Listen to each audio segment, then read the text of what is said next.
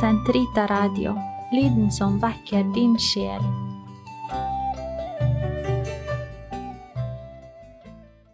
Kroppens teologi, en kommentar til pave Johannes Paul 2.s onsdagskatekeser av Eirik Ambrosius Stenhoff. Totus tuus ego sum, et omnia mea tua sunt, archipio te in mea omnia, prebe mi cor tum Maria. Episode 12 Fordypning Skammens fenomenologi ifølge Johannes Paul 2. Del 2 Skam som kroppslig fenomen Vi ser i denne fordypningsepisoden på begrepet skam hos pave Johannes Paul 2. Hva er relasjonen mellom skammen som oppstår etter syndefallet, og tilstanden vi levde i før syndefallet? Vi har nettopp sett at paven kaller skammen for en terskelerfaring, som betyr at den bringer oss til en terskel hvor vi kan få et glimt, så å si, av mennesket slik det levde i begynnelsen. Vi har ikke en direkte tilgang til begynnelsen etter syndefallet, men vi har en direkte erfaring av skammen, og gjennom den har vi en indirekte erfaring også av den uskylden som vi hadde i begynnelsen.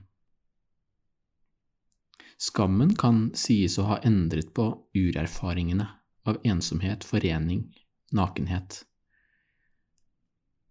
Nå, altså i den historiske tilstand, erfarer vi ikke oss selv eller den andre personen som en ren gave. Den opprinnelige betydningen er blitt formørket av syndefallet.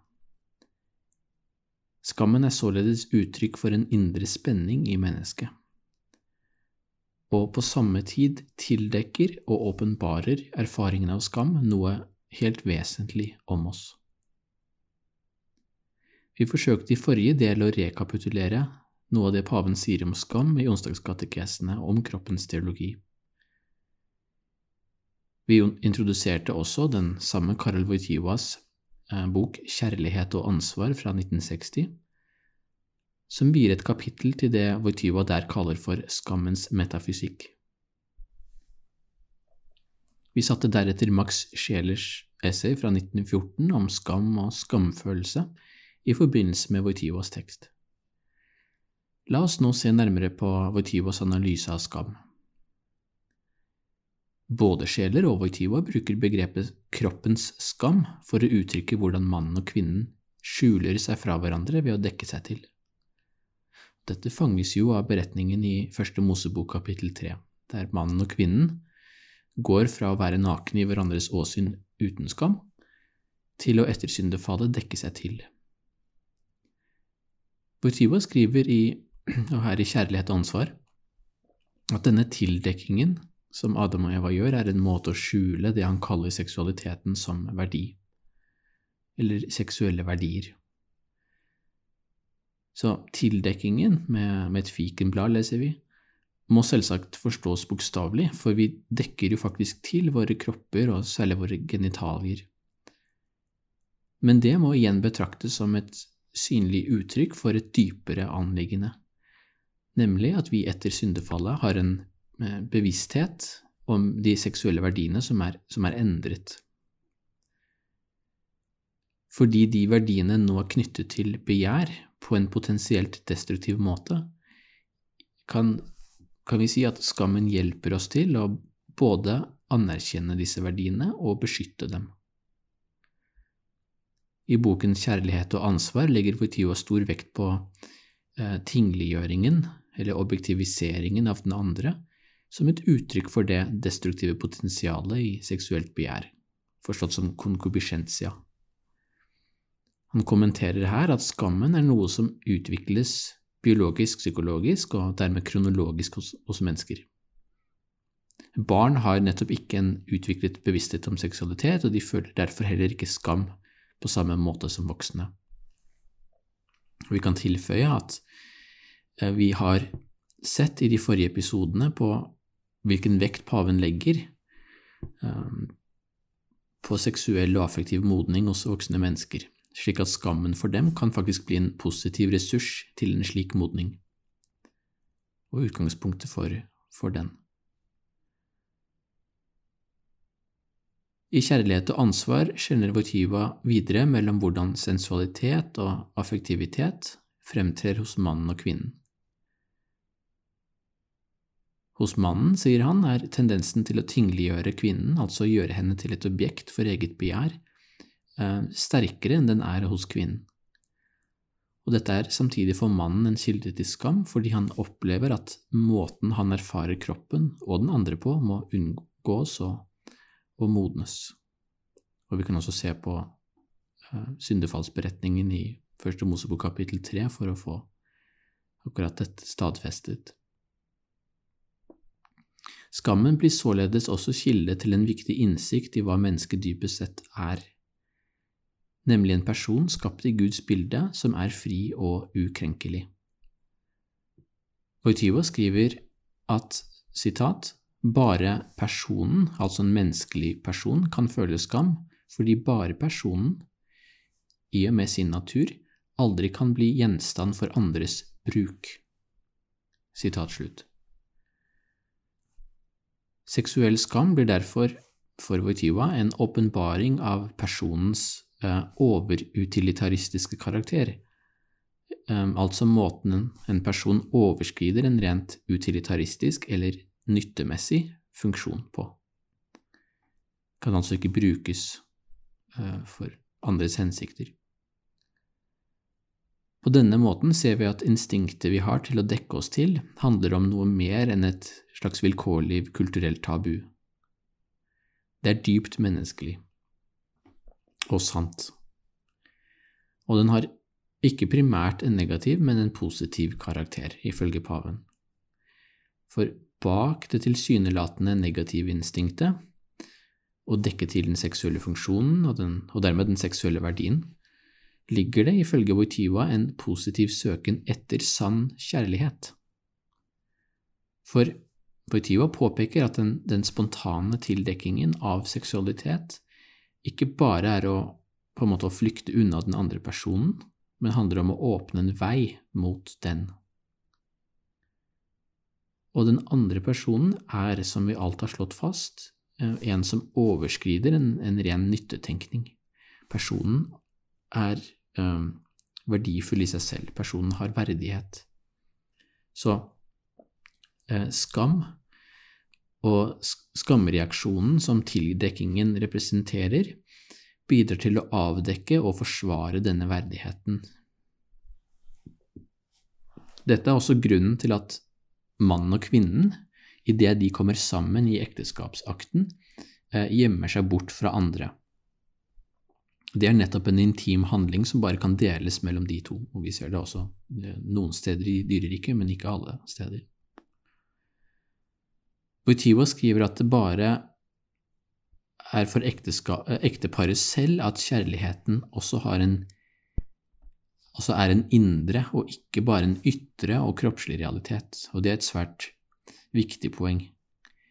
Altså, vi som står utenfor eh, ektepakten og ekteskapskjærligheten, selv om vi skulle stå det paret aldri, aldri så nær, eh, vi kan aldri ha denne indre tilgangen til deres kjærlighet.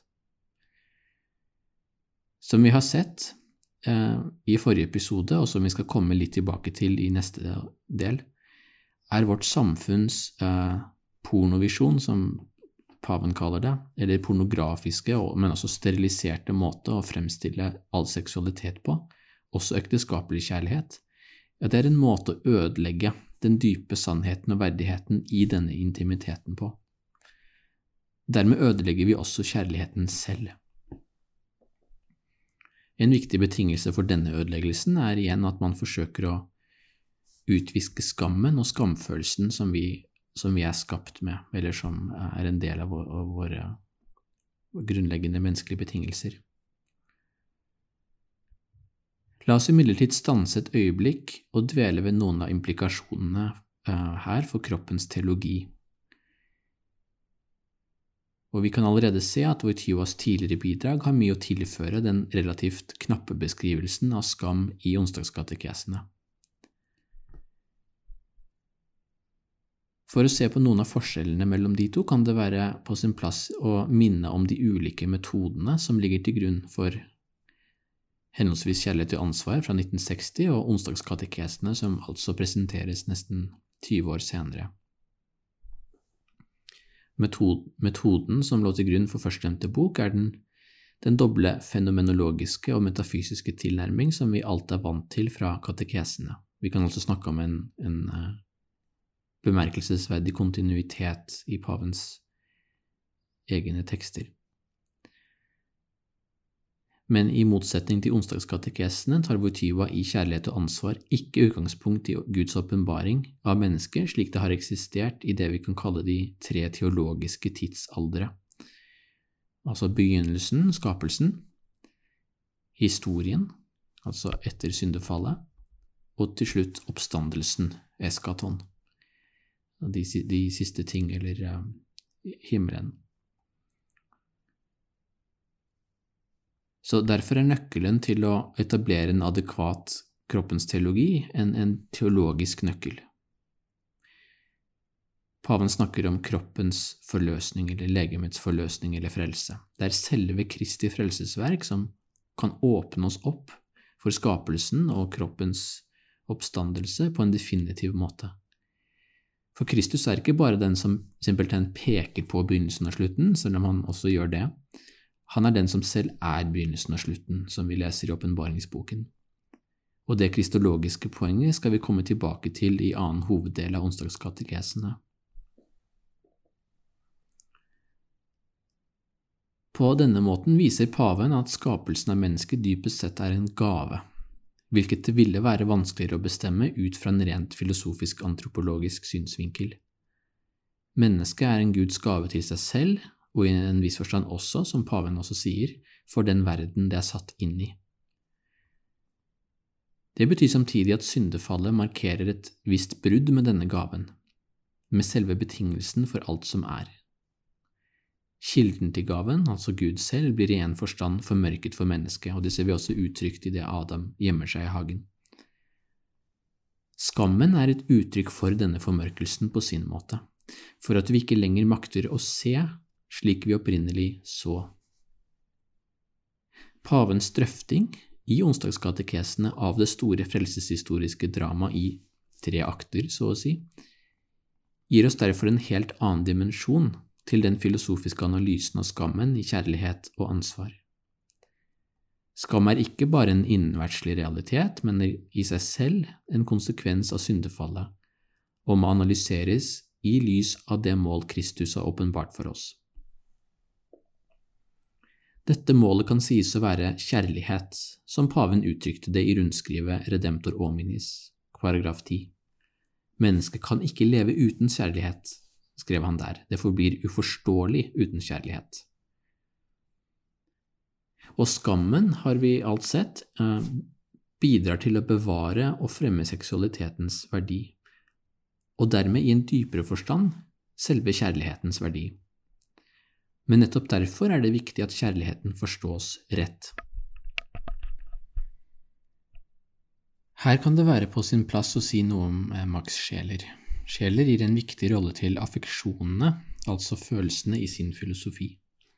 Og skam er en slik følelse hos ham, eh, gefühl på tysk.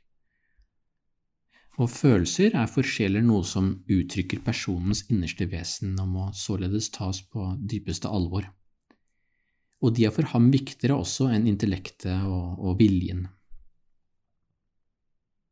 Skammen er for sjeler ikke bare knyttet til seksualitet, men uttrykkes på en særlig måte gjennom den som seksuell skam.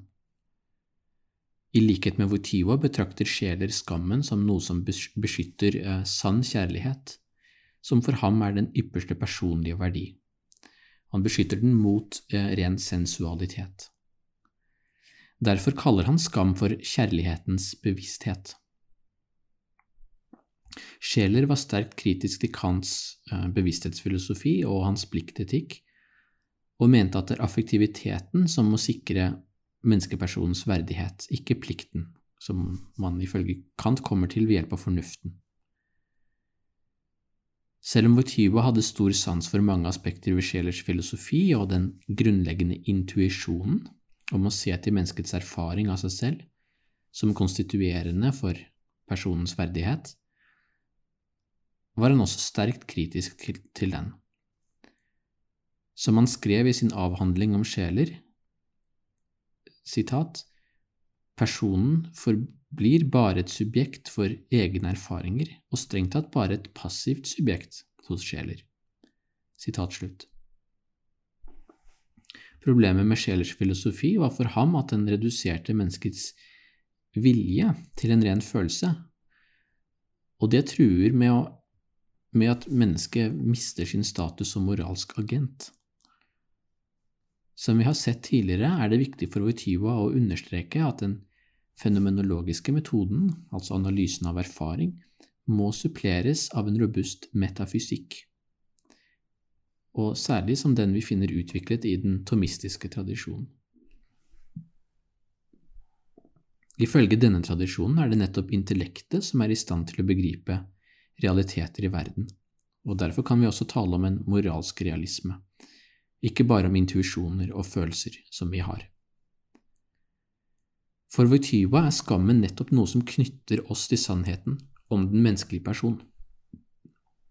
Og det gjør både filosofisk og teologisk, kan vi si.